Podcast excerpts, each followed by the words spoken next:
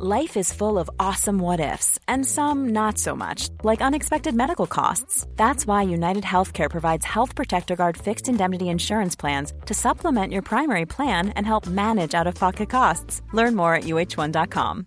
Hi, I'm Daniel, founder of Pretty Litter. Cats and cat owners deserve better than any old fashioned litter. That's why I teamed up with scientists and veterinarians to create Pretty Litter. Its innovative crystal formula has superior odor control and weighs up to 80% less than clay litter. Pretty Litter even monitors health by changing colors to help detect early signs of potential illness. It's the world's smartest kitty litter.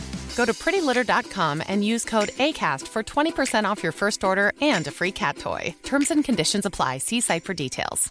I'm Sandra, and I'm just the professional your small business was looking for. But you didn't hire me because you didn't use LinkedIn jobs. LinkedIn has professionals you can't find anywhere else, including those who aren't actively looking for a new job but might be open to the perfect role, like me. In a given month, over 70% of LinkedIn users don't visit other leading job sites. So if you're not looking on LinkedIn, you'll miss out on great candidates like Sandra. Start hiring professionals like a professional. Post your free job on linkedin.com/achieve slash achieve today.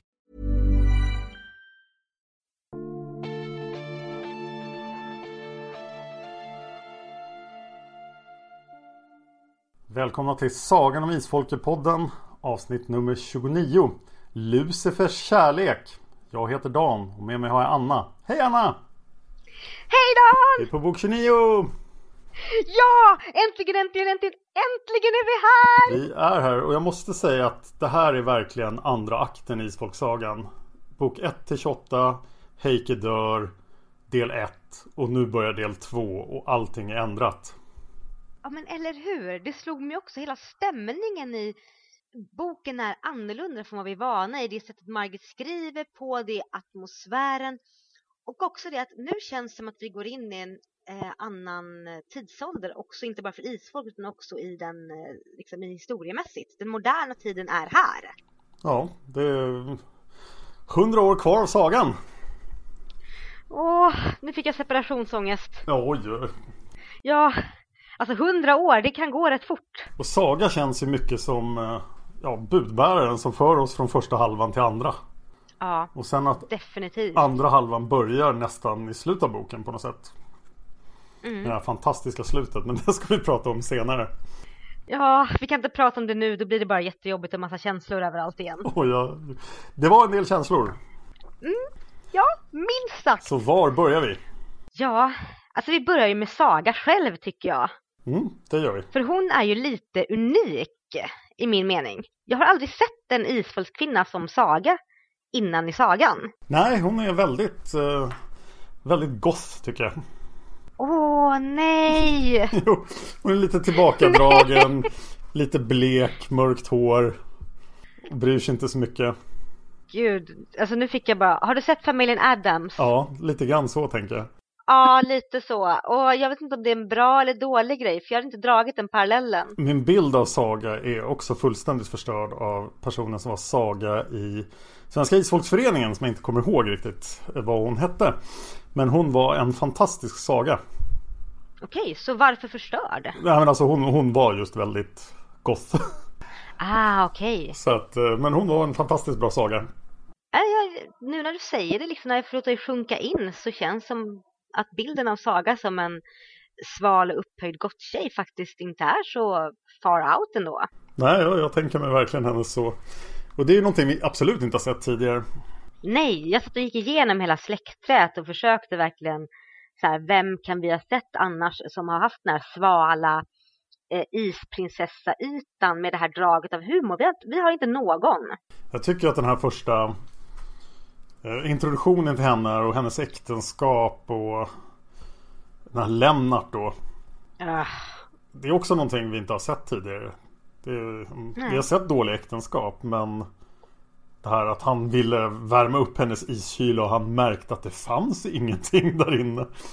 Nej men precis. Och sen också det här, vi har ju haft karaktärer som har haft, som du säger, väldigt dåliga äktenskap. Vi börjar med liksom att Livs första äktenskap var ju katastrof och Mikael och Anettes äktenskap som började väldigt krackigt och för att inte prata om eh, Christiana och Sören Grips äktenskap som var riktigt kass. Men det jag slogs när jag läste det här var just Sagas syn på skilsmässa. ja. Som kändes väldigt eh, självklar när man tänker på det. Men samtidigt också väldigt modern.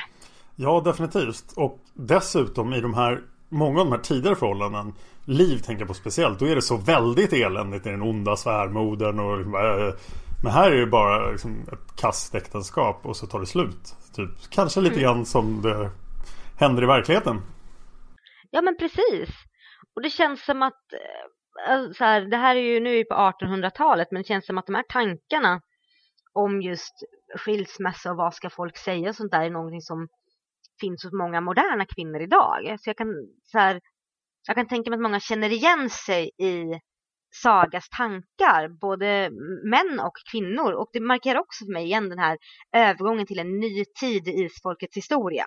Ja, väldigt tydligt. Och mm. inte minst när alla börjar dö av då. Jag orkar inte. Ja, Kol och Anna-Maria bara fjongkål i död när boken börjar i princip. Ja, och det är jätte jätteledsamt. Och Anna-Maria hinner vara med i några scener och sen är hon också borta. Ja, och Solveig och Eskil dör offscreen. Och vi, vi får inte ens veta liksom vad det var, utan de bara, de dog, punkt. Och jag började också läsa på här, för jag tänkte den här Lucifer-bilden som Margit har, som ju verkligen är en stor sak i den här boken.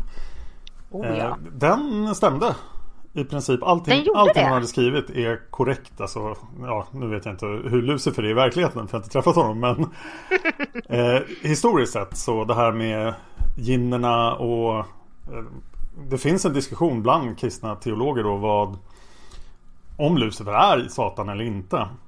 För Satan är ju en väldigt konstig figur i, i Bibeln som färgas väldigt mycket av medeltiden sen. Men i, i Bibeln är han ju mycket den här åklagaren och liksom jobbar för Guds uppdrag. Mm. Medan Lucifer då används som ett ord i Bibeln för just Venus. Väldigt mycket. Och, Oj, ja men morgonstjärnan. Ja, och för den här då eh, babyloniska kungen Nebukadnessar den andra som jag hoppas komma till i Fan of History om några år. Min andra podcast. Oh, spännande. ja, Nebukadnessar gjorde ju mycket elände. Men han får med som ljusbringaren i Bibeln. Spännande. Så det är så intressant för det är sådana här grejer som man tror att det förmodligen är rätt men så här, man blir ändå lika överraskad att Margit faktiskt får sådana här komplicerade teologiska grejer helt korrekt. Nu måste jag ju eh, avbryta våran eh, kronologi här totalt med att berätta. Jag tror inte jag berättat historien förut när jag skulle välja roll i Svenska Isfolksföreningen. När jag gick med i Isfolksföreningen en gång i forntiden. Mm. Så Okej, okay, det var fem killar, 70 tjejer. Ja, inte så överraskande. Nej, och så okej. Okay. Dan, vad vill du ha för roll? Ja, jag vill vara Lucifer. det var mitt första svar. Eh, och då sa de, nej men inga religiösa eh, Inga religiösa varelser eller verkliga personer. Mm. Okej, okay, jag vill ha Sölve.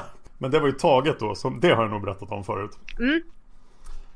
Och mitt tredje val då blev jag och har sedan varit då i alla isfolksföreningar där man har haft en roll, vilket då var ganska vanligt. Jag har varit med i fem isfolksföreningar, räknar efter idag. Och här i slutet av boken så kommer han, min eviga roll. Ja! Marco! Och det är jättebra!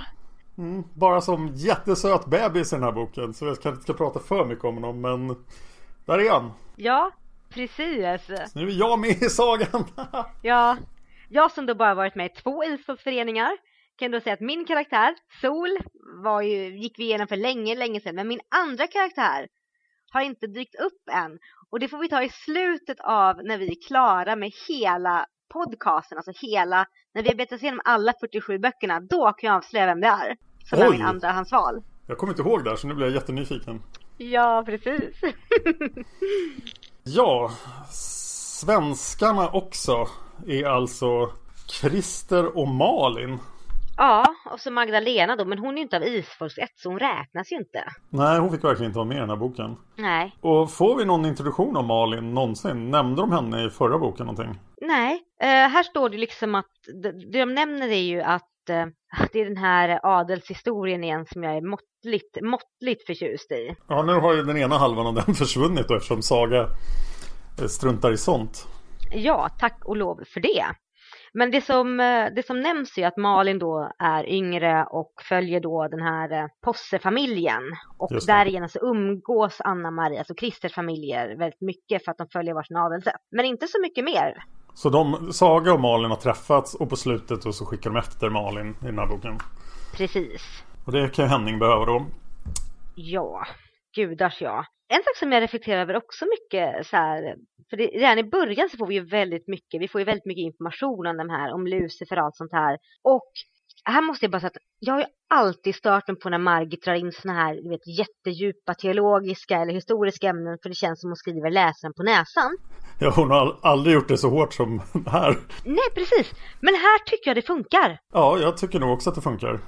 Jag tycker det funkar genom hela boken för att och jag kom, tänkte väldigt länge på varför men jag kom på att det är för att Saga är den personen hon är. Så kan det nog vara. Mm. Framsidan avslöjar ganska mycket också att Lucifer kommer ju verkligen att dyka upp i den här boken. Eh, ja, om man då har pocketversionerna med de fina fina omslagen. Precis. De här inbundna har ju inte omslagen, vilket, vilket är synd ibland och väldigt bra ibland. Ja, det här är ju faktiskt ett väldigt bra omslag tycker jag. Ja, det är jättebra. De är sällan bra, men det här är bra. Det här är jätte, jättebra. Oh, så, men ska vi se, Saga har sitt kassaäktenskap eh, och när hennes mamma då Anna-Maria dör så ser hon till att komma ur äktenskapet och då får hon ju också sitt kall. Ja, hon får sin quest. Mm. Och här skulle jag ju vilja se då hur den här rekryteringen av Paul von Langenfeld går till. För att Förfäderna kan inte nå Saga och det tycker jag är jättebra då för ju mindre förfäder desto bättre. här tycker jag förfäderna fungerar ypperligt den här boken. Så här, så här skulle de ha varit hela tiden. Som avlägsna anderöster. Ja, de är inte där, de löser inte problemen åt folk. Nej, det är sant. Men okej, okay, förfäderna bestämmer sig för oj, oj, oj, en fallen ärkeängel har fått intresse för Saga. Det här är ju inte alls bra. Så att vi måste skicka en människa för att hjälpa henne. Eftersom vi inte kan göra det. Vi kan inte skicka mm. Viljar för han sitter och super. ja. Så de går till Stagepool. Tycker, har ni någon? Sitter de den här avdankade skådespelaren och hur går Hur får han sitt uppdrag? Jag har ingen aning. Jag, har en, jag, jag fick en väldigt rolig bild i huvudet.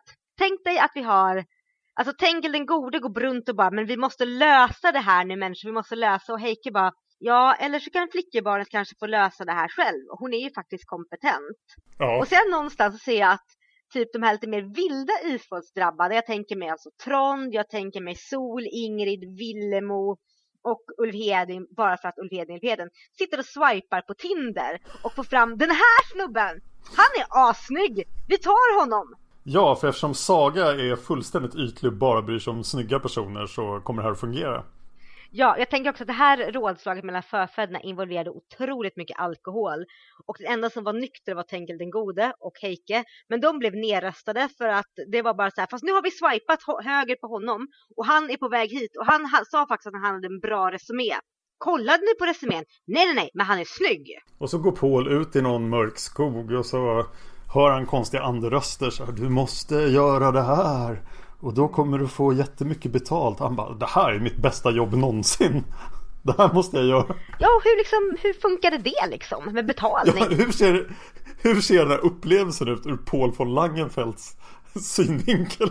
Ja, och kan andra hantera pengar? Jag vet inte men Okej, okay, Paul får på något sätt det här uppdraget mm. Och sen beger han sig dit och liksom slumpmässigt eh, Han kanske får hjälp då du, Åk till den där diligensstationen och så gör han det. Och sen Han gör ju liksom ingenting för att lösa sitt uppdrag lite grann. Han håller koll på henne. Ja, men han verkar vara jätteinstabil. Han verkar pendla mellan att vara så här, alltså jättekarismatisk, jättesjälvupptagen, jättemycket into saga, jättemycket typ jag ska ta det om det är det sista jag gör, eh, våldsbenägen. Plus att han verkar vara liksom lite lagom eh, religiös fanatiker och jätteskeptisk mot allt övernaturligt eller älskade. Så att hur hanterade han andra när de approachade honom? Var det typ ett sändebud från Gud eller tyckte han att de var bara hummelmummel? Ja, det, måste, det skulle kunna fungera om de sa att det var ett uppdrag från Gud. Men sen struntar han ju i sitt uppdrag ganska rejält. Han bara, ja, Saga var ju snygg så eh, vad var det jag skulle göra nu ens? Jag skäl hennes skatt istället. Precis, alltså någon i isfolkets förfäder måste ju haft vett att kolla upp vad har han för inre egenskaper? Och som du säger, har han någonting som Saga kan bli intresserad av? Han måste ha charmat dem fullständigt. Ja, fast hur? Jag kan inte se att någon i isfolkskaran skulle falla för honom, för han är, alltså ingen av isfolks kvinnor bland drabbades och utvalda som vi vet faller för självupptagna män. Nej. Den enda som man skulle kunna attrahera skulle kunna vara Sol för att för att han är så här, ja men han är lite djävulsk och lite det. Men samtidigt så skulle, borde han ju väldigt mycket likna Hemming Fogdedråparen. Vilket gör att han faller ju ut helt hos Sol. Ja i och för sig, men han är ju inte Hemming Fogdedråparen. Hon gillar ju sådana män så att... Uh... Ja, men jag tänker att hon kanske får lite dåliga minnen av honom. Ja. Kanske? Hon kanske har kommit över det efter 300 år. Kanske det. Eh, jag tror att vi måste lämna ämnet men jag har ofta undrat hur 17 det här gick till. Från ja. hans synvinkel. Och hur tänkte de att det skulle lösas sen? Vad, vad, var hans uppdrag? Skulle han ligga med henne och få henne därifrån eller skulle han eskortera henne till Grossisholm? Vad var det gett honom för uppdrag? Ja, uppdraget kan ju inte... Det måste ju vara eskortera henne till Grossisholm då, för de vill ju att hon ska komma dit. Men ja, som sagt, han löser inte sin uppgift särskilt bra. Nej, och så försöker han som säger sno i folkets skatt. Det är bara så här, nej! Ja, då måste ju förfäderna verkligen bara, oj. Får se om det kommer någon ursäkt från förfäderna när vi får prata med dem igen. Ja, bara, alltså det här, eh, den här rekryteringen gjorde de bara, mm, det var ett misstag. Dåligt förfäderna. Mycket dåligt. Så här går det när man tar in eh, externa parter i förfäderskaran. Precis. Ja, var var vi någonstans? Vi ska precis ge oss iväg på den vilda färden till Norge. Ja, just det. Innan vi går in på den. ja. Saga nämner ju här i boken att just att hon och Malin har kontakt, deras familjer umgås. Ja. Men de typ har ingen kontakt med den norska grenen. Och här undrar jag, vad är det för fel på isfolkets svenska gren? Ja, det måste vara något seriöst fel. För nu är det som sagt samma land. Och det är 1800-tal. Det finns frimärken. De kom väl några år innan det här. Ja. Saga åker ju med en postdiligens. Det här är liksom, och det, är liksom, det finns inga krig heller som liksom är snapphanar som stoppar posten. Allting går bra, men de bara, vi har inte hört av dem på några år. Uh, undrar det går med det här Gråstensholm och spökslottet? Nej, det går säkert bra. Vad kan hända? Man bara, åh! Det är jättekonstigt. Frimärken kom 1857, så att... Det finns ju då. Ja, det fanns väl en ganska väl utbyggd postverksamhet då. Ja, men det är den här samma grej som Isfolket Svenskgänget som jag stört mig på sedan Heike gjorde en tre i Sverige. De bara, ja vi vill ju hjälpa dig med Grossensholm men vi kommer inte ifrån. Varför inte? Uh, vi har ett hus här. Ja men alltså Grossensholm, nej vi har inte tid. Det är exakt samma grej här. Själviska jävla Ja och så tycker man just Christer också som ju har varit ganska aktiv. Ja. Borde vara intresserad men nej. Nej, han gör lite grann en, alltså Christer gör ju en typisk Eskil här. Jätteaktiv och sen så bara nej, nu vill inte jag göra någonting mer. Nej, nu är, nu är min bok har passerat. Nu får jag inte mm. göra saker. Nu tappar jag all handlingskraft. Jag slår mig till ro och typ samlar frimärken, de typ två som finns. ja. Nej, usch. Eh, då kan man ju fundera på det här med förfäderna. För här får vi ju reda på att förfäderna inte kan nå Saga på grund av att hon är utvald. Mm. Men eh, det stämmer väl inte alls? Nej. De nådde ju Kira, eller hur? Ja. De var inte jättebra på att prata med henne, men de pratade väl med henne? Alltså de pratade ju lite grann med henne via henne på något sätt där. Ja, de var ju med i Tarangai liksom. Ja, precis. De stod ju på stranden när hon åkte iväg och hon, både Daniel och Kira kände ju av dem. Och jag för mig att Villemo kände ju av förfäderna jättemycket. Ja, Villemo kunde ju mana fram dem. Hon Precis. stoppade ju piraten på det där sättet. Ja, så att den här teorin om att de inte kan nå de utvalda, det känns som att det bara är applicerbart på Saga. Ja, men jag är ändå jätteglad att de inte kan det, så jag köper det. ja, det förstår jag. Och sen också att man ska ta upp att de inte nådde Tarje, det var ju för att det typ inte fanns några förfäder då. Ja, nej, det stämmer. Det, liksom, det var ju i så fall kanske Dida, men det fanns ju ingen etablerad förfadersgrupp som det blev under Tengil den gode. Nej, det känns ju som när Tengil den gode dog då i början av Tarjes liv. Då hamnade han i bootcamp för förfäder då med Dida och vandraren. Och så var han tvungen liksom att göra 20 års träning för att bli en bra förfader. Ja men lite så. Så därför kunde inte han hjälpa Tarjei. Nej. Det är min förklaring. Ja, det är en väldigt bra förklaring tycker jag. Du ska bli ledaren för den här gruppen så nu vill jag se 100 armhävningar. Tusen situps och du ska springa 40 mil! Och han bara, men alltså Dida och vandraren, varför gör inte ni någonting åt det här? De bara, eh, alltså vi har massa grejer att göra och sen också är det typ du som har dragit igång allt det här med att isfolket ska ha det bra så att du får sköta det här. Din boll, ta den. Ja, det kändes mycket också som att Tengil Gode låg bakom. Han låg bakom de utvalda och han låg bakom förfäderskaran på något sätt. Ja. Fast då fanns ju redan de som sagt. Ja, men det känns som att han kanske... Jag fick liksom uppfattningen att alla de här utvalda, eller alla de här drabbade i förfäderskaran som fanns innan Tengil den gode, de på något sätt hade mer en avvaktning på tron och nådde inte fram förrän Tengil den gode faktiskt gjorde det där försöket att bryta förbannelsen som han gjorde när han gick ut där uppe i Isfolkedal och manade fram grejer och la det här skrinet och gav till Silje bröllopshova. Att det var först då som de började kunna gå från den här passiva till en mer aktiv och när Tengil den gode sedan dog då kunde de verkligen bara okej okay, men nu kör vi den här grejen. Ja, jag köper det. Ja, nu ska vi se, var var vi någonstans? Eh, ja, nu ska vi ut i skogen då och åka diligens. Jag gillar att Paul har snott den här vagnen och kusken. Ja. Och vad, är det med kusken? Och liksom? kusken verkar inte gilla honom men han är ändå bara bäst jag följer med honom för att uh, jag tillhör den här vagnen. jag har ingen egen initiativförmåga.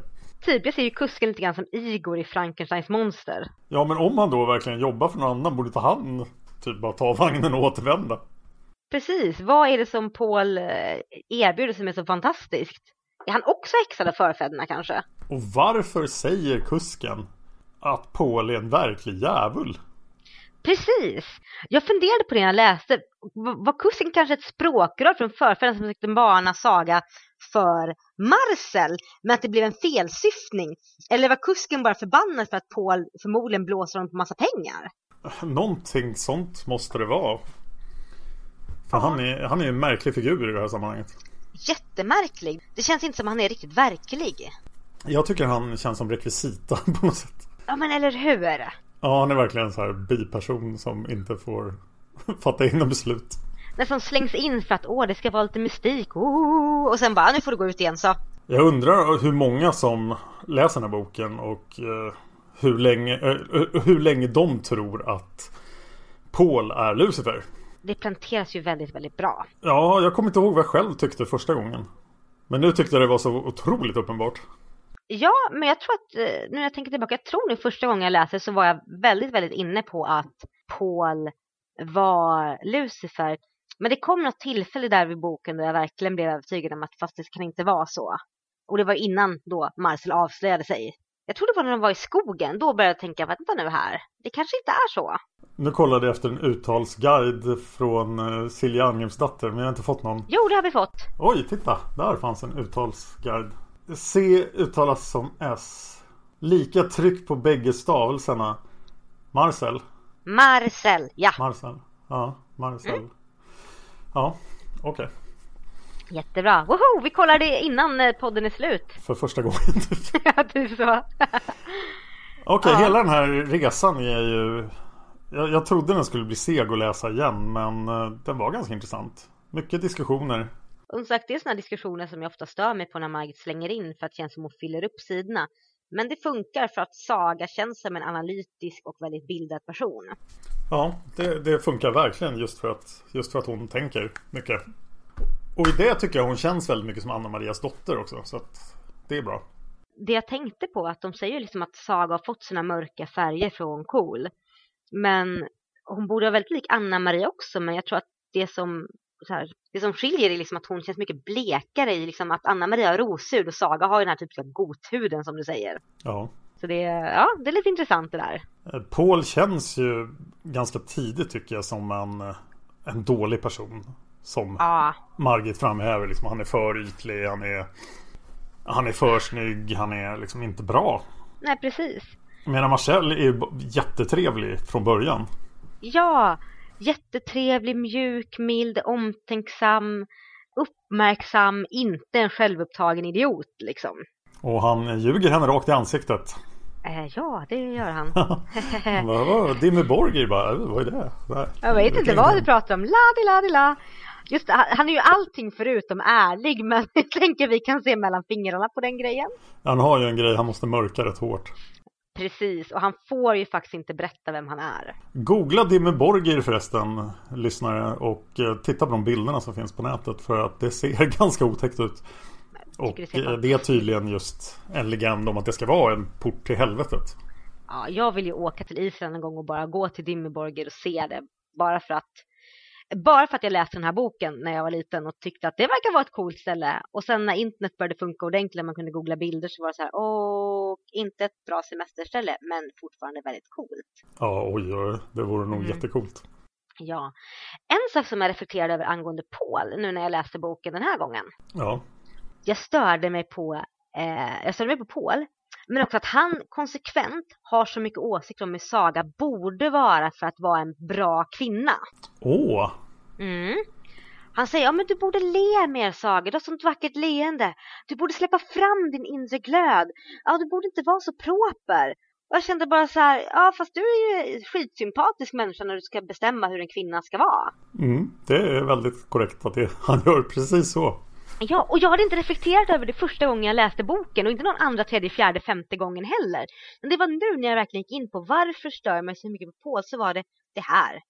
Det här liksom stör mig mest förutom att han är liksom självupptagen så är att han, Saga, han ser ju något, han ser liksom en trofé i Saga som blir bra om hon gör som han säger. Ja, Ja, och Marcel gör inte det. nej, han är ju bara jättebra. Ja, jävla Marcel. Han är för bra. Ja, han är lite för bra.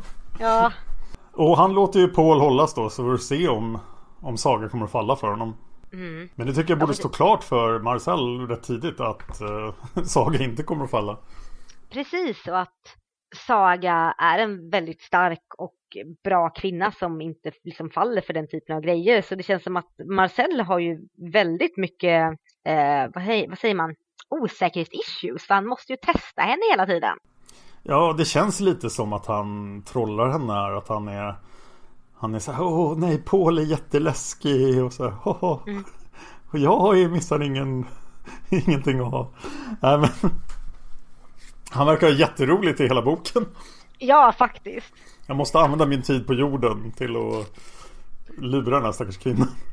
Gud, han skulle vara som perfekt talkshow-host. Sen undrar man ju lite då att han alltså varit uppe på jorden vart hundrade år. Mm. I all evighet. Oj. Sen då, åtminstone sen det kristna skapelsedatumet. Så han, är- I många tusen år har han gjort den här. Och han har någon vecka verkar det som. Ja, Typ, kanske en vecka. ens det. Mm. Ja, några dagar. Nå- någon sån tidsperiod. Mm. Och det här är det han sysslar med. Men han verkar veta en massa om Saga. För han har fått kontakt med henne när hon har liksom haft den här 12-årsdrömmen om Lucifer. Mm. Så att han vet den här gången ska jag liksom, nu ska jag kolla henne. Ja men precis, och då är det så här, hur funkar det egentligen? Är liksom hela, han måste ju ha någon slags eh, connection till, till jorden på något sätt och till människornas värld så han kan så här researcha innan han kommer upp för att Jo men det får vi ju reda på på slutet att svartänglarna själva kan ju röra sig relativt obehindrat på jorden tydligen. men så har de ståkat Saga då? Ja, eller ja, det måste ju vara någon magisk förbindelse. Men det Mm. jag undrar över är alla andra då kanske 60 gånger han har varit uppe på jorden. Vad har han sysslat med då? Först så här, 20 år innan han ska upp. Så Mm. bara, är det någon som funderar på Lucifer? Bara, nej. Åh vänta, där var en. Nej, hon var ful. Henne vill jag inte träffa. Ja, nej hon var tråkig. Henne vill jag inte träffa. Okej, jag, jag glider upp och knallar omkring en vecka i Assyrien. För 3000 år sedan. Ja men det måste ju vara så han gjort. Han, så hans mål med resan måste ju liksom ha varenda gång blivit så här, nej men det blir ingenting. Och då har han väl typ fått göra andra saker. Han nämner att han varit en munk till exempel. Han kanske Ja. satt i ett kloster och typ skrev saker. Jag kan tänka mig att han är på resande fot. Eh, Att han kanske var en munk på en pilgrimsfärd. För han har ju svårt att Ah, få en plats i ett kloster på en vecka.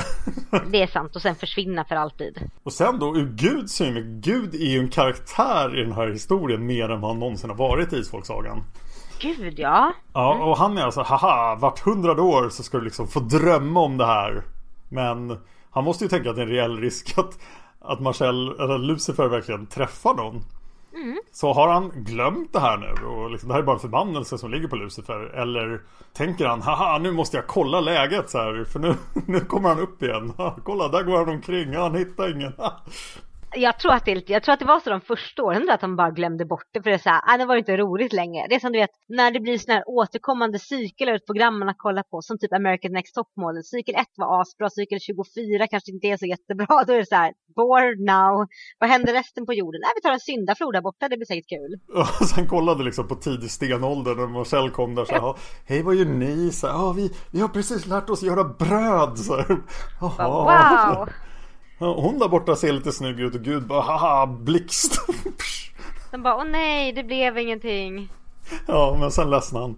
Och bara äh nu får du väl lulla runt liksom. Haha. Ja.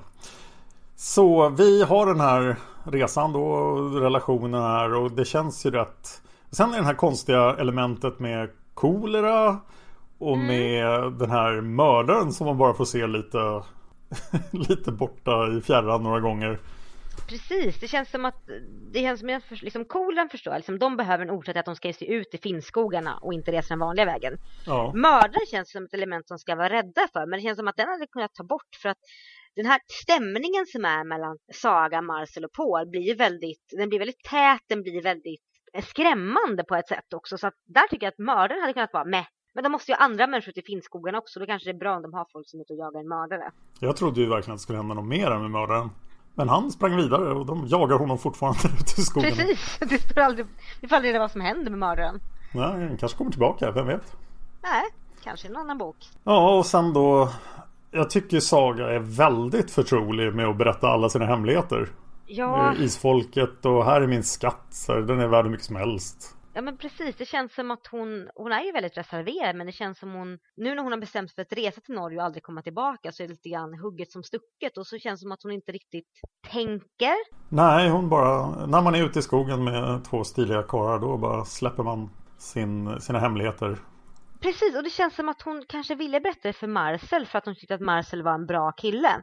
Men glömmer att Paul inte är en bra kille och då är det så här, ja men då kanske inte ska berätta det alls, eller i alla fall ta undan Marcel och berätta det. Men hon bara, äh, det, det, blir säkert bra det här. Och sen återigen undrar jag, vad är Pauls planer? För han är liksom bara, jag håller koll. Mm. Men sen, han gör ju aldrig någonting. Nej precis, han håller koll, han typ hotar Saga med att du måste bli min. Han börjar hata Marcel. Eh, och sen som sagt så snor han ju isfolkets skatt och springer. Ja, dåligt Paul. Jättedåligt. Vad, hur skulle det hjälpa till? Ja, ska vi ha fyrverkeri i skogen då? Ja, alltså Marcels lilla fyrverkeri och hela den här biten och den här grejen när Saga springer runt i skogen och försöker dels är rädd för att hon hittat, en mask som ser ut som ett avhugget huvud i Pauls resväska och hon är jätterädd för att Marcel ska dö och hon är jätterädd för att Paul nu är Lucifer och allting är jättejobbigt och jättehemskt. Och, alltså det, det, jag tycker om scenen men vad är meningen? Vad, vad vill Marcel slash Lucifer med det här? Ja, det här är ju bokens svagaste punkt för att det här är bara för att göra scenen dramatiskt. Han är Lucifer är en drama queen helt enkelt. Så jävla drama queen. Jag bara så här seriöst. Du har ju fått bekräftat att Saga tycker om dig. Du vet att hon är med på typ tåget att så här, nej jag vill inte ha Paul och också jag har koll på Lucifer kärleksgrejen. Så försöker han skrämma livet ur henne eller vad är det han håller på med? Jag vill gå tillbaka till yngre stenåldern för jag tror att scenariot hände ungefär så här då när han hittar de här killarna som precis hade kommit på hur man gjorde bröd. så, och så skickade Gud en blixt på de tjejerna han var intresserad av. Nej. Då de sista dagarna enda han var kvar var liksom Åh kolla fyrverkerier, nu är alla stenåldersmänniskor jätterädda. Okej, tillbaka till Svarta salarna. Ja, typ De nämns aldrig vid namn här i boken. Nej. Nej, märkligt. Okej, det, det, tror jag vi kan spoila. Att stället där Lucifer bor heter Svarta salarna. Mm. Men jag tror Saga säger att, att hon funderar över att oh, men han kanske inte är ensam. Han kanske har massa typ vackra salar och fina grejer där nere. Så att... Mm, och det får vi reda på. Det har han och eh, han har ett gäng svartänglar. Väldigt många svartänglar. Men det kommer vi till senare. Mm.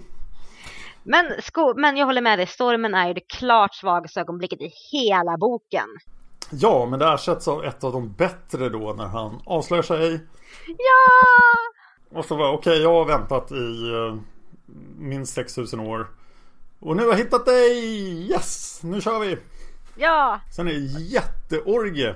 Ja, alltså det blir ju en slags orgie uppe på klippan. Och det blir väldigt fint. Det blir jättefint. ja, det här, jag minns den, här, minns den här som en av de finare sexscenerna i hela Isfolket och den håller ju fortfarande. Det håller jag verkligen med om. Och just den här att Margit får fram det att ja, de har massor massor med sex men de har också där djupa själsliga länkar mellan de pratar mycket emellan, de visar verkligen mycket de älskar varandra så att deras kärlekshistoria blir helt trovärdig och jättefin för mig. Ja, det är otroligt fint. Men sen måste han då tillbaka och det blir lite extra dramatiskt med mördarjakten där. Men eh, ja. så är han borta. Hoppar över klippan fast han försvinner och Saga vet att han inte kommer komma tillbaka förrän om hundra år. Då är ju hon död. Precis, så nu är det kört. Mm. Och sen den här parentesen att de får ju fast Paul, Saga får tillbaka Isfolkets skatt och sen vidare till Norge. Ja, och här har jag hört klagomål på den här boken. Och det kanske vi kommer att höra i kommentaren också. Att eh, det går för lätt att gråfolket har sålts in som jättehemska skurkar. Men att Saga bara promenerar genom resten av boken. Men jag tycker stämningen blir superbra här. Man, man lider med hennes förlust. Och man inser ja. att hon Hon visste att hon inte skulle komma tillbaka till Sverige. Hon har lite likgiltighet inför döden. Och nu är hon ju fullständigt likgiltig. Precis. Nu är hon bara den här sargade kvinnan som har förlorat sig. Men hon är ju så otroligt lugn på något sätt för att hon har upplevt allt det här. Mm. Och hon känns som att hon har insett att jag hade den finaste källstorn i mitt liv. Det här är det jag har levt för. Nu ska jag bara klara mitt uppdrag. Ja. Hon, tar, hon bär sin förlust med samma upphöjda lugn som vi lär känna henne att hon alltid har. Och det gör mm. henne så väldigt, väldigt bra som person. Ja, jag tycker också att det, hon fungerar jättebra som karaktär. Mm. Och jag har ju lite drömt om att kunna spela en sån här person på live som är, som är val och kall med lite mild form av humor men det funkar inte för mig för jag brukar alltid så här jag skrattar alltid för högt eller jag, jag har ju mycket känslor på utsidan och det funkar inte så bra om man ska spela sval och upphöjd och lite så här smått sarkastisk med leenden. Men jag tror det är därför Saga funkar så bra för hon är någonting som man också vill vara men som det är väldigt svårt att vara i verkliga livet. Ja, hon är en jättebra karaktär och det, jag tycker det blir så bra när hon kommer då till det här eländiga Gråstensholmssocken, eller Asker då, som det heter. Jävla skitasker. Alltså det är jättejobbigt för att i förra boken kunde jag ändå så här klamra fast med någonting. Ja men Gråstensholm, det, det är jobbigt och man ser liksom att de börjar bygga massa nytt. Men det är fortfarande samma gamla och så känns det som att det är jättemodernt. Ja, jag tycker att det är en fantastiskt bra skildring av hur lång tid det har gått. Ja. In, inte sen förra boken, för det är inte så länge. Men, Nej, 12 år. Eh, men sen sagan började. Ja. Vilken skillnad. Det är nästan som jag tar liksom en sån bild, en bild varje, vart femtionde år hur liksom, hur Rosengårdssocknen förändras. För jag tänker att när de kom, när Tengil och Silje och Charlotte Menon kom så tänker jag att det var mycket så öppna åkrar, mycket bondgårdar. Och nu känns det som att det är, alltså det är ju bara hus också lilla, lilla Lindalen och det stora, stora spökslottet Gråsensholm. Ja, det är verkligen förändrat. Och sen tycker jag, när hon väl träffar då Viljar, Belinda och Henning, mm. att, att det här är så ovanligt för isfolket också. Att det faktiskt finns ett så här, ja, vanligt problem att Vilja har börjat dricka sprit. Ja, vi har en medlem i Isfolket som är jätte, jättemänsklig. Ja, och det, jag tycker det passar ganska bra in med honom för att han gör ju precis samma sak som han gjorde förut. Ja. Alltså han tar på sig sina problem själv, han pratar inte med om dem och sen hittar han någon konstig lösning. Precis. Och istället för att rida omkring så tar han till flaskan den här gången. Ja, det är väl kanske lite bättre, eller jag vet inte riktigt. Lite mer diskret. Men det passar så bra in på Viljar också, för det man kan slå fast för Viljar är ju en väldigt introvert människa. Ja. Så att det här passar ju, det känns som att om någon ska göra det här så är det ju så är det ju Viljar. Men det säger också liksom hur jobbig situationen är för dem om Viljar, den här, liksom, i förra boken var som brinnande idealist, visserligen med kommunikationsproblem redan då, men att han nu bara så här har gett upp helt och hållet. Ja, och sen Belindas familj som bara har struntat i Jävla skitfamilj och jag som liksom började tycka om dem i slutet av förra boken, men nej nej. Nej, de, de försvann verkligen. Men däremot Jolin kom tillbaka med råge i den här boken. Ah, gud, ingenting var bra. Men jag älskar ändå den här ödesstämningen som är nu. Man vet att man vet vad Saga tänker göra och hon är liksom inställd på att göra det. Och ja, mm. man vill bara ha in henne på Gråstensholm. Ja, men när hon väl hamnar in på Gråstensholm så blir det ju alltså jätteläskigt. Här måste jag prata om Alrunan igen. För jag ja! Hon, Alrunan är cool i den här boken igen. Och nu är den tillbaka när den är som bäst. För mm -mm. den, den liksom, nej det är inte du, Saga. Ja, inte din. Men jag kan hjälpa till lite grann ändå. Mm. För att det här är ändå med Eiko att göra. For the greater good, liksom. Och därför blir Alrunans reaktion på slutet så fantastisk tycker jag också. Ja! Men okej, okay, Gråfolket. Nu blir de numrerade. Ja, vi har 21 stycken. Det var 26 från början. Så tar vi minus Marta och minus de fyra demonerna som vi får reda på nu. De är ju inte på Gråsensholm. Nej, men det visste vi väl. Det, det kunde vi ju gissa, Ja. men det här får vi bekräfta. Så 21 eh, gråfolk plus en massa krafs på marken. Precis. Och nu blir det rena tv-spelet känns det. Lite så. Här vill jag bara, innan vi går in på hela tv-spels eh, Gråstensholms eh, röjarspelet. Så en Ja. sak som jag tänkte på. I tidigare böcker så pratade vi lite grann om att Anna Maria Kohl, de, de fick ju vänta väldigt länge Ja. på att få saga. Just för att, och då sa ju farfar att men, generationerna har följts åt väldigt bra men nu måste vi ha, eh, vi måste ha en, ett barn som kommer senare. Just det, för att den utvalde ska ha en till med sig som också är drabbad. Precis. Och visste förfäderna, tror du, hur illa det skulle gå på Grossensholm? Att det var därför som Saga, att de, att de bäddade för det också? Ja, det är ju hennes tänker jag. uppdrag så att eh, det måste de väl veta. Jag gillar inte när förfäderna kan förutsäga framtiden men eh, Men jag tänker att här är det rätt naturligt om de ändå kan det. För jag menar, Ingrid och Ulf Hedin sa ju liksom att du borde verkligen ta upp Mm. mm. folket. Och att de kanske därför just liksom att, förutom att fördröja så att Sag, Anna Maria Kohl inte kunde få barn på ett tag, att de faktiskt såg till att det skulle bli en utvald just för att bädda upp för vad de trodde skulle kunna komma på Gråstensholm. Ja, och det, det känns lite konstigt att hon är alltså utvald för att rensa Gråstensholm. Allt det här hade kunnat undvikas Mm. om Silja hade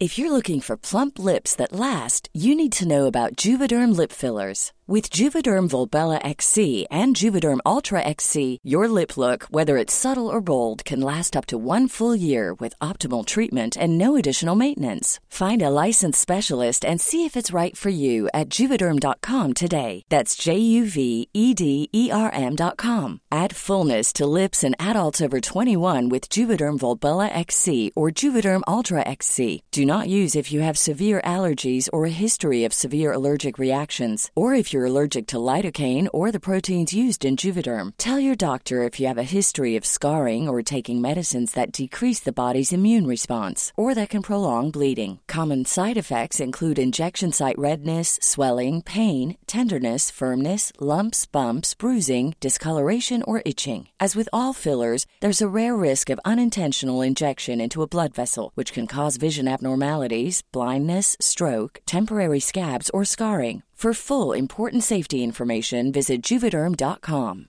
Hi, I'm Daniel, founder of Pretty Litter. Cats and cat owners deserve better than any old fashioned litter. That's why I teamed up with scientists and veterinarians to create Pretty Litter. Its innovative crystal formula has superior odor control and weighs up to 80% less than clay litter. Pretty Litter even monitors health by changing colors to help detect early signs of potential illness. It's the world's smartest kitty litter. Go to prettylitter.com and use code ACAST for 20% off your first order and a free cat toy. Terms and conditions apply. See site for details. Millions of people have lost weight with personalized plans from Noom, like Evan, who can't stand salads and still lost 50 pounds. Salads, generally, for most people, are the easy button, right? For me, that wasn't an option. I never really was a salad guy. That's just not who I am. But Noom worked for me. Get your personalized plan today at Noom.com. Real Noom user compensated to provide their story. In four weeks, the typical Noom user can expect to lose one to two pounds per week. Individual results may vary. typ sagt att så här, är min dagbok. När jag dör så ta hand om den typ. Ja, precis. I och för sig hon förstod ju inte att den var viktig. Nej, men Liv visste ju om den och hade lagt ner det i ett järnsten och sen så sparkade de väl in den under skåpet när den sprang runt på vinden en gång i någon av de tidiga böckerna. Ja, men det känns på något sätt som hela den här situationen hade kunnat undvikas. Men då hade vi inte fått in Lucifer på det här sättet. Nej, och det är ju både pros och cons med det. Sen tänker jag att det hade varit skönt om förfäderna hade kunnat kommunicera med typ Heike och bara du, det här på vinden, få ut det. ja, det känns lite konstigt också. Faktum är att när jag när Saga föddes nu, när vi håller på att läsa igenom nu. Så visste jag, okej hon är utvald. Och hon är utvald för att träffa Lucifer.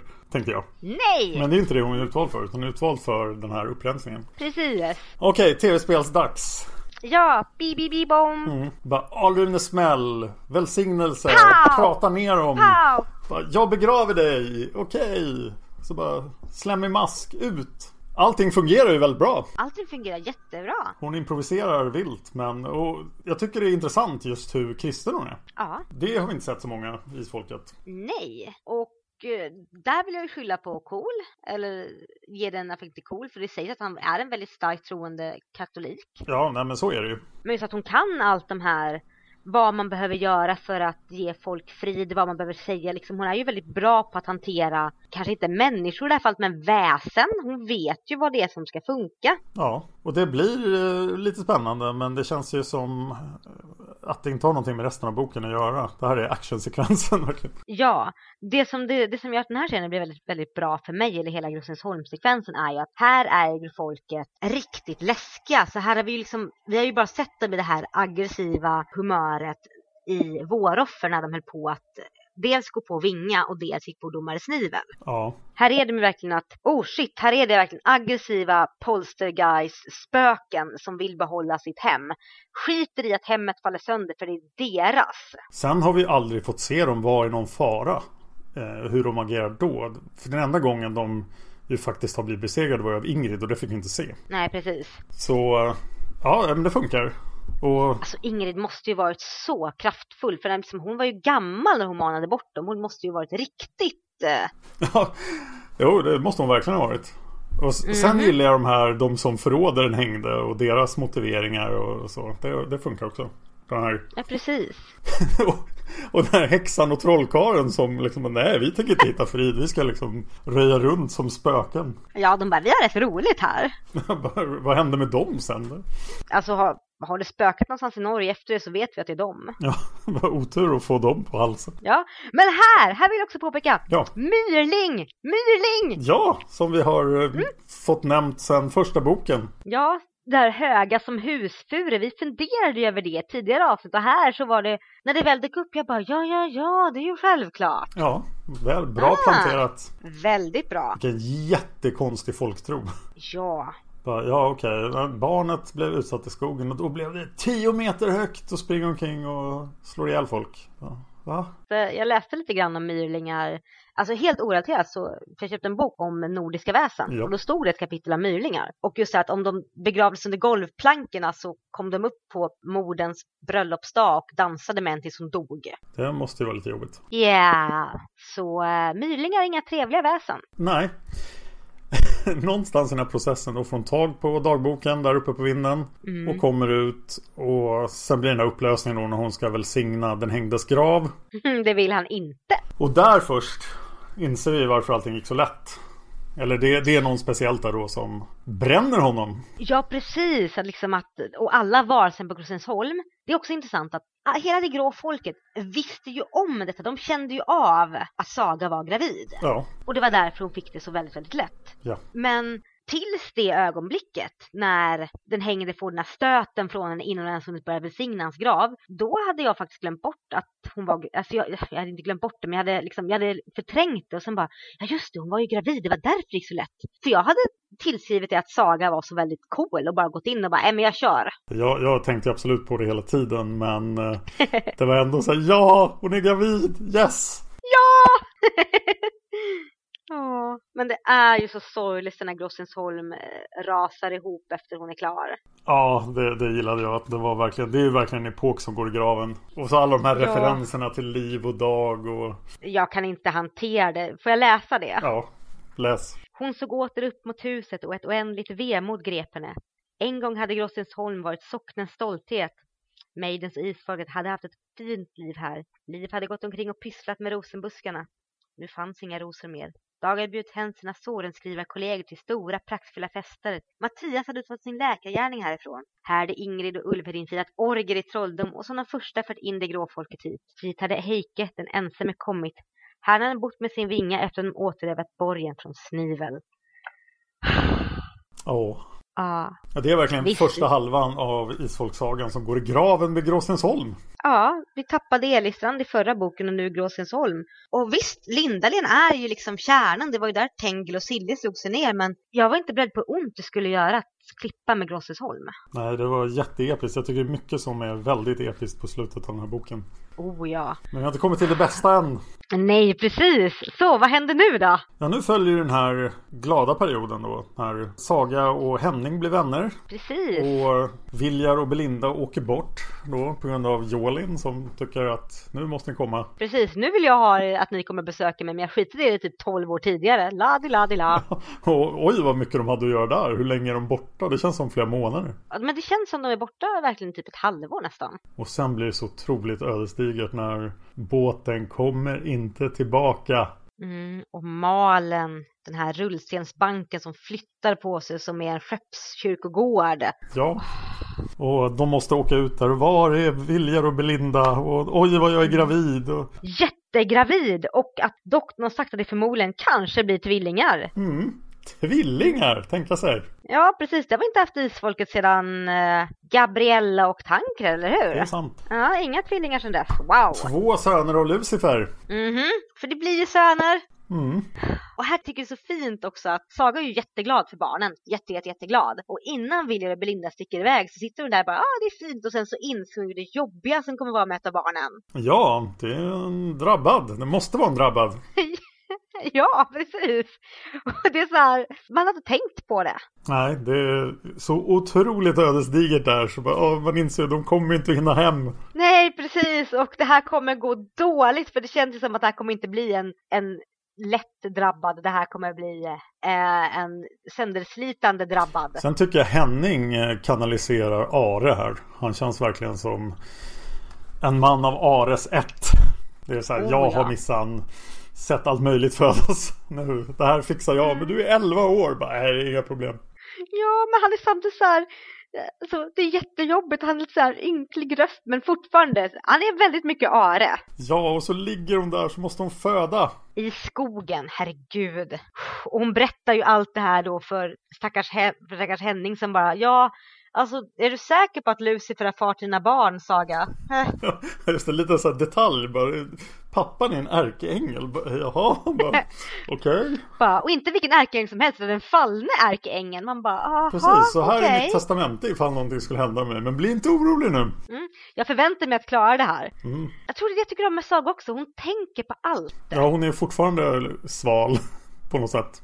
Mm. Sval och praktisk. Organisatoriskt mm. Och sen föds ju det första barnet. Och vem är det då? Och det är Marco! Ja! Hurra! Ja, han är jättesöt! Lille fine Marco. Så vacker, så perfekt. Världens vackraste bebis. Ja, men det är typ det. Jag blev lite förvånad när han skrek faktiskt. Jag trodde han skulle komma ut och bara... Hallå. Ja, men han är ju fortfarande ett barn. Ja. Eh, men det var ju två då. Ja, och nummer två blir ju Ulvar. Jättedrabbad. Jättedrabbad. Fulare än Heike. Ja, det vill inte säga lite. Precis. Oh. Och det här går ju inte bra för Saga. Det går ju inte alls bra. Nej, hon inser ju att det här är kört. Stackars, stackars Henning som står där med de här två barnen. Ja, och Saga som blöder. Skiljer de inte åt, de är bröder. Aj, mitt hjärta. Ta hand om honom. Mm. Och det är liksom döden, det är ju liksom, det är ju kört, vi inser det. Ja, och här blir det episkt. Jätteepiskt. Och det här skulle vara en så bra filmscen. Ja. Då kommer Svartänglarna. Ja! Och bara, nej tyvärr, så här, du får inte dö här för att uh, du har annat att göra. Du är vår herres utvalda. Liksom, don't leave him, don't you dare. Och då får man ju lite intrycket av att de kunde bara ha helat henne, men de måste hela henne och ta med sig henne för att hon Hon är väl så skadad att hon behöver eftervård här. Eller så passade Lucifer bara på att så här typ Ja fast antingen så är hon hon kan ju komma till... För de, kanske, de kanske inte har sådana krafter att de faktiskt kan göra underverk på jordytan i läng, på längre sikt. Nej, så kan det vara. Och sen tror jag att Lucifer har ju liksom sin egen agenda. Han vill ju ha Saga. Ja, precis. Han vill inte vänta. Alltså visst, han är ju jätteglad att han har fått barn. Men han vill ju inte vänta hundra år på att komma upp och möta sina, sina barnbarns barn. Han vill ju ha Saga. Mm. Så nu är vi bara okej. Okay. Eh, rädda henne men ta med henne hit. Precis. Eh, och barnen, alltså jag förstår ju liksom argumentet att barnen har faktiskt uppgifter på jorden, ish. Men det är ändå väldigt mycket ansvar att lägga på lille, lille, lille Henning. Änglar skulle ju liksom vara vita. Mm, det skulle de ju. Men det är de inte. Sen ska vi observera vad svartänglarna faktiskt gör här. Mm. För en av dem lägger sin hand på Hennings huvud. Mm. Och så, han känner orden in, inom sig. Att överta den utvaldas lott. Och så känner han sig jättestark. Ja. Gör de någonting med barnen? Um, ja. Ja, de rör vid barnens tecken. Mm. Så jag tänker mig att det är någon form av välsignelse där också. Kanske att de klarar sig hela vägen hem eller så här, inte blir hungriga för att de har ju inte saga nu. Nej just det, någonting sånt måste det vara. Mm. Och sen flyger de iväg med henne och här skulle jag nästan vilja haft Tula-slutet. Att vi inte liksom fick se den här bonusscenen. Nej precis, jag är väldigt glad över bonusscenen men Ja, den, den kändes nästan lite tramsig faktiskt. ja, Att nu åker vi ner i Dimmerborg, vi flyger över Atlanten och det pallar hon. Mhm. Jag hade med velat bara att de, att de slutar liksom att och skogen var åter mörk omkring Henning och så, och så slutar Mm. det. För vi vet ju att Svartänglarna för Saga till Lucifer. och sen där liksom, åh titta, vi, vi glider in i varandras famnar och så står vi där otroligt länge och sen börjar vi tala om barnen. Det, Mm. kändes, det kändes ju bra att Lucifer bryr sig om dem men eh, det var ändå så här, ja, nej den scenen hade jag kunnat vara utan. Ja men lite så. Det kanske är för att Margit vill visa att visst de har den här överjordiska kärleken men de har ändå lärt känna varandra så väl att de är på stadiet att de är så bekväma att det har blivit vardagskärlek redan kanske. Jag vet inte. Ja, någonting sånt. Men, Ja, men jag hade kunnat vara utan den också. men sen kommer då den superepiska slutet på boken. Ja. Får jag läsa? Ja, du får läsa. Men lille Henning var ensam i den mörka skogen. Småpojkarna hade tystnat. De sov. Endast hans egna snörvlande eftersnyftningar hördes. Han tog upp alrunan och hängde den om halsen. Märkligt så fint den la sig till rätta mot hans bröst. Som om den hörde till där. Som om den trivdes hos honom. Varligt packade han samman allt det övriga och lastade upp det på giggen. Spädbarnen la han på vagnsbotten som inte skulle falla ner. Så klättrade han upp och manade på hästen. Var inte rädda pojkar, sa han med sin barnsligt troskyldiga röst. Halvkvävd var det nu. Han var tät i näsan och svullen om ögonen. Henning ska se efter er och när min mor och far kommer hem blir allt bra. Det dröjer bara ett litet tag, sen kommer de nog. Så fortsatte han hem mot Lindalen där ingen väntade honom. Alltså det är jättejobbigt. Det är så fullständigt jätteelände. Här den stackars 11-åring som jag tycker blir så bra introducerad. Ah. Och eh, han är verkligen fullständigt jätteensam. Ja, för liksom visst, vi vet ju liksom att båten är ju borta. Ja, Och det är ingen som väntar honom hemma. Och om vi ser som isfolket var innan det var Christer och Malin, Saga, Viljar och Henning. Och nu är två stycken borta. Malin är fortfarande i Sverige, Christer är fortfarande i Sverige. Så han är ju verkligen helt ensam. Han är 11 år. och senaste gången någon var runt 11 och ensam i Gråsensholm så gick det inte så himla bra. Var det Kolgrim? Nej, Vinga. Åh, oh, just det. Aj, aj, aj. Men han har Aj, aj. dessutom två bebisar som man måste ta hand om. Precis, och vad vet han om att ta hand om barn? Och där hade vi också Alrunans reaktion att den kunde liksom inte riktigt gilla Saga. Men nu är den hemma igen. Så här, jag tänker mig att Adrian så här klappar bara. Ta det lugnt. Vi, vi löser det här på något sätt. Jag, jag är här. Det här är ju reaktionen från Alrunan som den bara haft för, för Daniel och Heike tidigare. Ja, precis. Och då känner man oj, den här Henning verkar ju vara en helt vanlig pojke. Varför är Alrunan med honom så mycket? Vad, vad, vad tänker Alrunan nu? Vad vill den göra? Men det tänkte vi lite grann med Daniel också. Ja, och då var ju Alrunan med och gjorde en massa viktiga saker. Ja, så vad kan det bli här liksom? Så att någonting är viktigt med Henning. Någonting är väldigt viktigt med Henning. Men också den här slutgrejen också som är, eller så här, inte slutgrejen, men som man ändå måste poängtera som är så viktigt med den här boken, förutom allt det episka, att vi har äntligen fått ut Siljes jävla dagbok från vinden. ja, äntligen. Ja, och där står det exakt var Tengil ondes kärl är nedgrävt. Så nu kan vi köra tycker jag. Nu är det ingenting mer på vinden. Nu är det bara att kötta fram en utvald och så kör vi. Ja, så nu väntar vi på den utvalde. Japp. Men vi har en drabbad istället. Ja, vi har en drabbad och en eh, jättevacker bebis. Precis, det här kan ju aldrig gå fel. Nej, nu, nu kan det hända precis vad som helst känns det som. Nu är... Ja, men lite så. Ja, men det känns som att eh, allting vi vet om Isfolkesagan spelar inte så stor roll längre för att vi är i någon slags ny, helt ny situation. Ja, en ny situation där vi, där allting, allt kan hända och inget är säkert. Och så undrar man ju vad, var Lucifer bara kär? Eller fanns det något syfte med det här också? Jag tror han bara var kär. Det är det finaste. Han var bara kär. Och vad innebär det att vara, att vara son till en ärkeängel? Ja, Det måste ju vara någonting som aldrig någonsin har hänt tidigare. nej, För jag tror inte Mikael och Gabriel och grabbarna får åka ner och göra barn på jorden. Eh, nej. Så liksom vad kommer det här innebära? Vad kommer det innebära för isfolket att två stycken isfolkssöner, en jättevacker, en drabbad och båda är, blir det halvärkeänglar? Ja, och hur är man då? Ingen aning. Och eh, säg att man är drabbad och jätteond plus är hälften ärkeängel. Det kan ju bli jättedåligt. Ja. Uh, vi får se. Ja. Wow. Där var det över. Ja, och det är som att vi har sprungit ett jävla maraton. Och nu blir det ju tyvärr så att det kommer att komma den första halvan av Isfolksagan är i min åsikt då bättre än den andra. Så det Ja. kommer att komma riktigt svaga böcker snart. Mm. Men det kommer att avbrytas av fantastiska böcker. Bland de bästa. Ja, precis. Och Och jag vill också säga så här. Ja. Ja. Nu pratar jag hela tiden. Fortsätt. Pratar du? Nej, fortsätt. Ja, okej. Jag vill också säga att vi har ju blivit väldigt överraskade av böcker tidigare i sagan som vi tyckt var väldigt dåliga när vi, läste, när vi läste den första gången.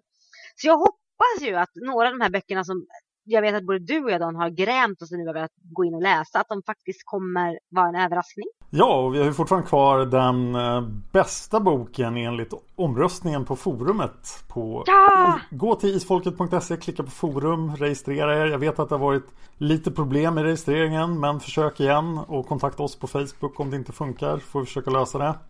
Jag tror att forum är lite så här förra årtiondet, men forumet är ju tio år gammalt så att det är förra årtiondet. Eh, Vi har lite kommentarer. Ja, precis. Ha, vi fick en till i sista sekund. Ja, vad roligt! Så vi har Bra! tre. Bra, det gillar vi! Vi vill ha fler, så ge oss kommentarer. Då ska vi se, den första kommentaren kom från Tankred som säger så här. Vad tycker du om boken? frågade vi då. Och Tankred svarar, boken har som alla böcker sin egen charm och jag gjorde ett föredrag i skolan så tog jag denna som ett exempel. Jag lyssnade just på boken som ett minne är ganska bra uppgraderat. Boken är bra och mer kan jag faktiskt inte säga om den för det blir lite mycket när Marcel jagar Lucifer och det slungas blå klot till boken. Eh, det blir lite mycket. Och när han berättar att Marcel bara gjorde det för att se om Sagas håg var män mot honom blir lite nja. Men alltså att förfäderna säger att de skickade fel person och att det bara verkar ha gått på utseende, inte på personligheten. Och, och där frågar tanken sig, är inte personligheten det viktigaste? Vidare frågade vi också, vad är bokens bästa ögonblick? Och tanken svarar, hmm, jag kan inte säga att det är ett glatt ögonblick, men ett sorgligt ögonblick. Och det är när Saga dör och två svartänglar kommer och ger Henning, en 11-årig pojke vars föräldrar är borta. Och med eh, att de ger honom då de här två tvillingpojkarna som är så olika som natt och dag. Varför skulle svartänglar ge två nyfödda till en pojke? Förstår inte deras logik. Ja, om de skulle ge två nyfödda till en pojke så är det här rätt kille då. Ja, precis. Och det finns ju inte så många andra isfolksättlingar kvar. Nej, och det bör nog vara en isfolksättling. Mm. Favoritkaraktär då? Marcel tycker jag bara om för han har så fint namn. Men Saga kan det nog vara. Det är nog mest för någon isfila som alla män tänker sig kunna smälta men ingen lyckas. Och sen ställde vi till den här avsnittet ställde vi också frågan Vad tycker du om Margits beslut att ta in Lucifer i sagan? Och tanken svarade Det här är ju väldigt spoilig fråga. Ja, det är sant. Men, men korta svaret är just nu är det okej. Ja, Och, man, och sen säger hon också, man undrar ju om Bibeln eller Margit har rätt angående vem Lucifer är. Och till sist säger tanken, varför bara ett avsnitt i veckan? Vill lyssna på ett nytt varje vecka, men man får ju lyssna på gamla då. Grym podd, kör hårt. oj, orkar någon verkligen lyssna om på våra avsnitt? Vi, de är ju så väldigt långa. Vi gör något bra Dan, men jag vet inte riktigt vad det är vi gör. Det låter ju bra. Nästa svar kommer från eh, Silja Ångims dotter. Hon säger, vad tycker du om boken? Ja, det var nog spännande första gången jag läste den. Men nu tycker jag den är en av seriens allra sämsta böcker. Oj! Hittills den största besvikelsen tillsammans med Bakom fasaden. Jag står överhuvudtaget inte ut med det här med att Lucifer blandar sig in. Och när han gör det hade det räckt med att han donerar några goda gener i kampen mot Tengil den onde. Jag gillar inte Lucifer som Marcel och jag gillar han ännu mindre som Lucifer. Greven är också osympatisk. Boken känns mest som en lång vandring. Lite som Feber i blodet. Som inte heller hör till mina favoriter. Men historien eh, reser sig på slutet när Saga äntligen kommer till Lindalen och Gråsensholm. Hennes uppgörelse med Gråfolket är spännande men lite för lätt. Jag tycker just att det var så lätt var, var mäktigt i sig för att man vet ju anledningen. Precis. Det var min kommentar.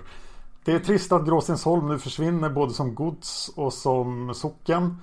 Men det är fint att Lindalen är tillbaka som isfolkets huvudsäte. Och lilla Henning är en sympatisk bekantskap.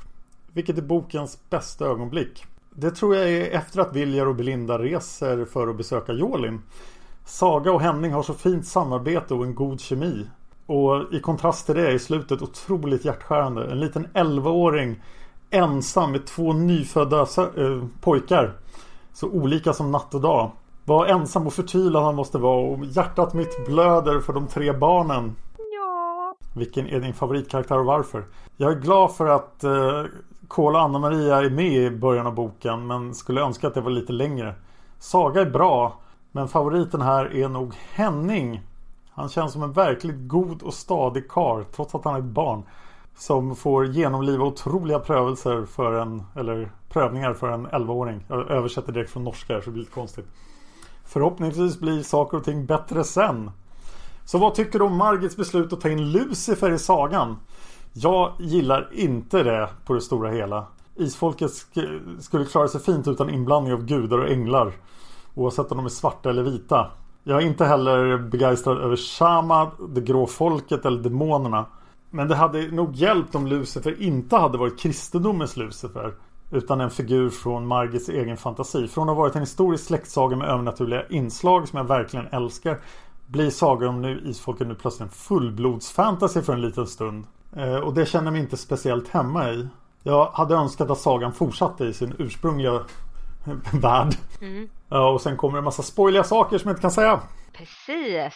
Ja, och då tar vi sista svaret från fröken Anna-Maria som svarar på frågan Vad tycker du om boken? Ja, jag gillar den bättre när jag var yngre. Nu känns den mer tjatig och jobbig. Hela sekvensen med Saga, Marcel och låtsasgreven brukar jag hoppa över. Det tar liksom aldrig slut med rännandet i skogen. Dessutom får jag ont i huvudet av att läsa om åskväder och värmeböljor. Plötsligt är det allestädes närvarande förfäderna helt bortkollade och börjar gå efter utseendet som Saga ska falla för en tjusig människa och inte för Lucifer. Känns inte isfolket alls. Blå fräsande klot. Suck. Dessutom stör jag mig på hur snabbt den svala Saga börjar samtala med två främmande män om religion, etik och isfolkssagan. Det är inte logiskt i det pryda 1800-talet. Som tur är bättrar sig historien snabbt när hon kommer till Norge. Det blir riktigt spännande när Saga ska driva ut, driva ut de grå från Glossinsholm. Favoritögonblick? Hela spökutdrivningen är verkligen spännande. Särskilt kampen mot den hängde och jakten på galgbacken. Samt när tvillingarna föds och Henning får ansvaret om dem. Favoritkaraktär då? Henning. Han är så stark och så finkänslig fast han bara är 11 år när han får sitt stora ansvar. Jag anar att han kommer bli en riktigt härlig karaktär som vuxen. Påminner om Mattias Meiden lite grann. Ja. Och vad jag anser om Lucifer? Nej, det blir inte så bra. Det är lite för stort att blanda in änglar och andra gudomligheter. Det blir lite som i den grekiska dramerna när någon av gudarna steg ner på jorden för att ut allas kallas något speciellt men jag har glömt vad. Jag anar redan här att det kommer bli svårt att hålla upp sagan logiskt. Isfolket får lite för mycket hjälp och för stora krafter. För att berättelsen ska hålla måste finnas begränsningar för vad karaktärerna ska vara kapabla att klara av. För mycket makt förtar spänningen. Och det blir nästan lite löjligt när Saga kommer till den svarta salen och möter Lucifer. Lucifer. Puss och kram och sen slår de för att prata om barnen. Eh, fundering från, som fröken Anna-Maria har. Jag har ju förstått att Margit har ett mycket komplicerat förhållande till kristendomen och inte drar för att skälla så mycket om kant på kyrkan och korkade präster. Men när Saga ska driva ut det grå folket har den väldigt stor betydelse. Kors, välsignelse, viggjord, nöddop och så vidare. Det håller inte riktigt ihop tycker jag. Och det var de åsikter vi hade fått in. Ja, och sen har vi tre sidor med fel och missar. Oj. Om ni hittar fel och missar i de kommande böckerna speciellt så finns det alltså en tråd på forumet för varje bok där man kan skriva ner fel och missar. Och det finns också då en tråd för varje bok där ni kan ge betyg 1-10 för böckerna. Och det vill jag att ni ska göra. Det är den omröstningen då som nu en bok som kommer leder och är den bästa isfolksboken.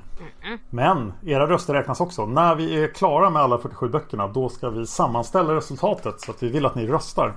Eh, och, och det är jag som har skrivit första felet och missen. ja, det är det. Oj, det är jättemånga år sedan du skrev det här. Ja, det är det faktiskt. Oj, ja. Den är faktiskt ännu äldre än så. För jag hade en webbsida med fel och missar på Isfolket innan. Så den kommer därifrån. Oj, oj, oj. Eh, om Sagas ögonfärg då. I nummer 27 på sidan 252 beskrivs Sagas ögon så, så intensivt gula att de verkar doppade i svavel. Men i nummer 29 sägs det att de inte är kattgula som de drabbades eftersom de är utvald utan ljust, ljust gröna. Hmm. Och då svarar Nathaniel att eh, ögonen går från vanligt till gult så varför inte åt andra hållet? Kanske har att göra med situationen runt omkring. Ja, det kan ju vara en lösning. Precis. Det jag vill fästa mig just här är att de skriver just att Saga har, att de säger att inte Kattkula så som hos isfolket förbannade, men så var också Sagan utvald, inte en drabbad.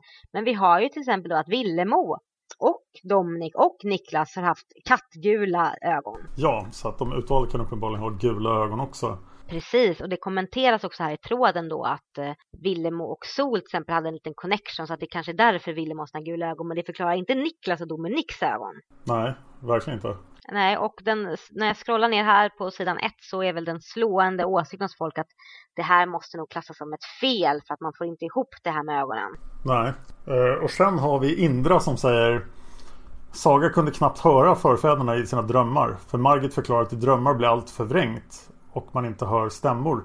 Men då Villemo var fången så drömde hon om sol och Villemo hade inga som helst problem med att förstå vad sol sa. Jag tror också Ingrid drömde om sol en gång och så möjligt har flera gjort det. Mm. Hmm. Jag tror inte det står någonstans om att Lucifer ödelade kontakten mellan Saga och förfäderna. Annars kunde det ha varit en förklaring. Nej. Men jag är bara beredd att köpa det för jag är så glad att förfäderna inte kan och pilla allting. Herregud. Alltså jag, jag tycker Lucifer som övernaturlig varelse fungerar jättemycket bättre än förfäderna. Faktiskt ja. För han har sin egen agenda han inte att lita på. Mm. Känns det som. Ja. Han räddar inte barnen här och han är liksom inte en allsmäktig god hjälpare. Nej, nej, nej, gud nej. Men förfäderna är ju helt obalanserade. Ja, och jag vet inte vad förfäderna gör här riktigt. Men jag är beredd att köpa hela den alltet. För jag får inte upp för... jag, jag, jag förstår att du tycker om dem, men jag, mitt ordningssinne stör mig på att de aldrig är konsekventa. Nej, nej, det får man ju verkligen säga. En förklaring hade ju varit att Lucifer störde kontakten. Ja, men här vet vi att det inte är så. Så att det är bara så här, vad är det för fel på er förfäder? Har ni missat liksom, har ni glömt att betala interneträkningen? Vad händer? Just. Ja, sen är det mycket diskussioner som vi kanske inte ska ta upp. Nej, eh, ögon, funderingen över ögonfärgen går igång. Eh, Tiril på sidan två har lite intressanta funderingar om detta med ginnerna. Ja, Mm. Hon säger så här, i Lucifers kärlek stod det på sina 15 så här, så skapade Herren jorden. De första varelser som fick bo där var ginnerna, men de kunde inte hålla fred med varandra, slog ihjäl varandra, eh, etc. etc. Då sände Herren ut Lucifer med en ängla Lucifer förde krig mot ginnerna och drev ut dem till öarna i havet eller till bergstrakterna där ingen färdades. Och Tidus säger, så Lucifer var en ginn, för han blev skapad av ökenvindens eld. För han krig mot sina egna han krigade mot ginnerna. Så nu har Lucifer dit bort ginnerna. Här vägrar tillbedja Adam som Gud har skapat och blir den fallne, fallne ärkeängeln. Han bor i sina svarta salar i Dimmerborger, men han är inte ensam för en ganska stor skara följde Herren Lucifer i förvisningen. Och eh, till citerar från boken. Saga slog upp ögonen. Vilka är ni? Ginner? Du får gärna kalla oss ginner, log det. Tiril säger, gärna kalla dem ginner. Är de änglar eller inte? Svartänglar? Om de var änglar behövde de inte bo på jorden. Och om Lucifer var ginn så borde man inte ha krigat mot sina egna. Och helt plötsligt är Lucifer poppis efter förvisningen och en massa ginner hakar på honom nere i svarta salarna. Eller hade några fler svartänglar på laget. Att änglar som man krigade mot Ginner med. Men ginner var väl änglar? Nej, jag blir tokig. Vänligen förklara. ja förvirringen här kommer ju från att termen jinner bara förekommer i islam. Mhm. Jag tror inte den förekommer alls i Bibeln. Och det här är ju farliga vatten att prata i men eh, jag vet att när jag läste på om det här att då den här, vad hette han nu då? Den muslimska Iblis. Att han är ju då djävulen. Mm. Och han faller på ett liknande sätt som Lucifer. Ah. Men han är en jinn för i islam så kan inte änglarna bryta mot Guds order. Så att änglarna är alltid superlojala till Gud. Så därför måste han vara en jinn. Eh, Men i den kristna världen så är han ju en ängel. Det känns som att det här har blivit någon religionsmix, alltså av vilda skäl. Att vi har liksom just det här med att änglarna, att han är den fallne ärkeängeln, men vi har då den muslimska trons att ängeln kan gå emot Guds ord. Så det har blivit någon slags mischmasch av alltihop. Och det här tror jag inte är Margits fel, det tror jag är religionernas fel. Ja, det tror jag också. Eh, Och eh, jag kan ju tänka mig då att när jag, tänker osökt på Silmarillion faktiskt. För de som har läst den. Tolkiens Oh, eh, mm. bok som publicerades efter hans död. Med hans världsbild. Morgoth är ju väldigt mycket Lucifer. Eh, ja. Och, och när Morgoth gör sitt uppror mot Iluvatar. Precis som Lucifer gör mot Gud. Då är det ju folk som tycker samma sak som honom. Mm. Och de följer honom i exil. Mm. Och det är ju då balrogerna. Men eh, så ser jag helt enkelt. Det fanns en massa andra änglar som tyckte att eh, men Lucifer har ju rätt. Precis. Och, och då stod de upp för honom och rök de också. Mm. Och det kan ju också vara så att gin, att om det var... Nej, vi ska inte gå in på det här, då kommer vi sitta här i flera timmar. Men det känns ju lite konstigt just att de kan flyga omkring på jorden lite som de vill. Ja, för om det är så att de följer honom i förvisningen och de därmed blir Mm. svartänglar för deras vingar är då svarta, så de är inte vanliga änglar längre. Då borde de liksom, då borde Gud lagt någon slags permaband på alla, för varför vill Gud ha en massa svartänglar flygande runt på jorden? Ja, nej, det borde ju vara reglerat på något sätt. Ja, Om precis. det kommer 200 svarta änglar och lägger sig i saker på jorden så blir det jobbigt. Eller blev det så att när de gick från Guds eh, regi till och bestämt för att följa Lucifer, blir de någon slags frilansare då så Gud faktiskt inte har någon makt över dem? Lite grann som att Gud inte har någon makt över demoner. Det kanske går några svartängelarm i himlen när de är ute och springer. Så liksom, ah, nu är de ute igen, nu måste vi agera. Så det är därför de måste tillbaka fort. Precis, kanske det. Men Lucifer verkar ju fortfarande vara den enda som faktiskt måste följa de här reglerna. Så det kan ju vara så att det kanske är under Guds värdet att bara bry sig om de här lägre svartänglarna. Ja, eller så finns det några regler för dem som vi inte känner till. Jag måste ha koll på reglerna. Det här går inte. Sen kommer en miss från nästa bok.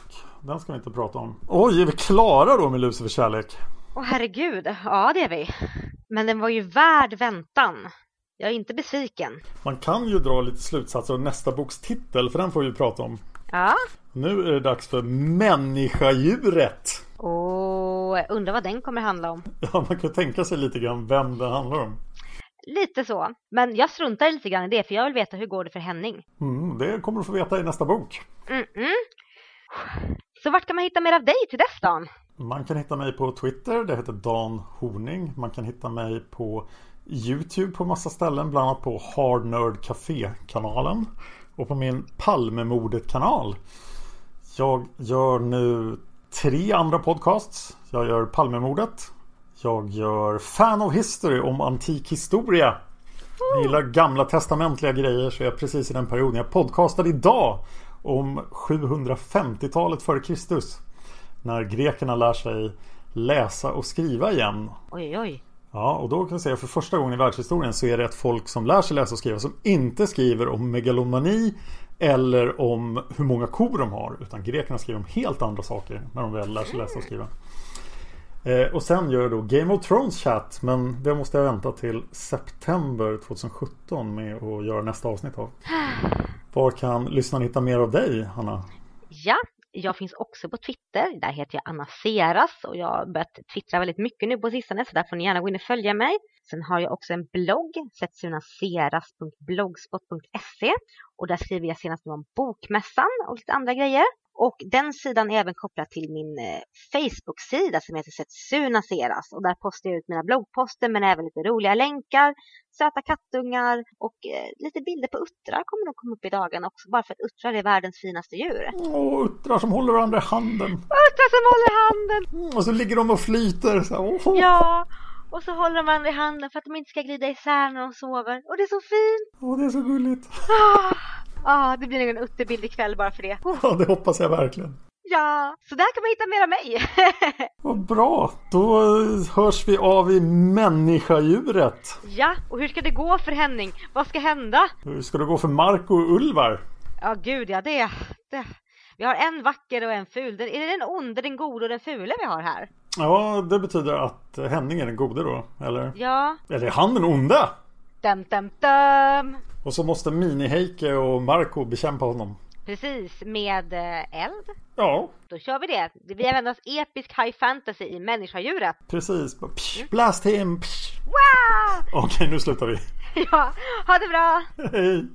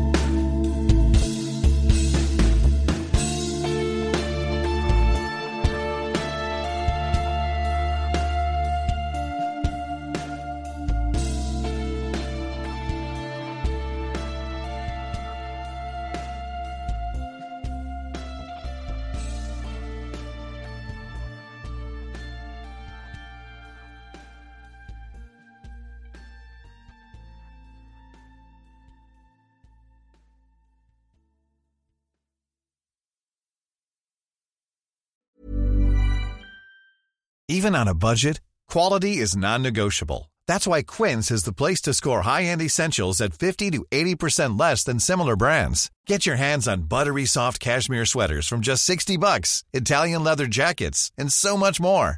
And the best part about Quince, they exclusively partner with factories committed to safe, ethical, and responsible manufacturing. Elevate your style without the elevated price tag with Quince. Go to quince.com slash upgrade for free shipping and 365-day returns. Hold up. What was that? Boring. No flavor. That was as bad as those leftovers you ate all week. Kiki Palmer here, and it's time to say hello to something fresh and guilt-free. Hello Fresh. Jazz up dinner with pecan-crusted chicken or garlic butter shrimp scampi. Now that's music to my mouth. Hello Fresh. Let's get this dinner party started. Discover all the delicious possibilities at hellofresh.com. Hey, it's Paige DeSorbo from Giggly Squad. High quality fashion without the price tag. Say hello to Quince. I'm snagging high-end essentials like cozy cashmere sweaters, sleek leather jackets, fine jewelry, and so much more. With Quince being 50 to 80% less than similar brands. And they partner with factories that prioritize safe, ethical, and responsible manufacturing. I love that. Luxury quality within reach. Go to quince.com slash style to get free shipping and 365 day returns on your next order. Quince.com slash style.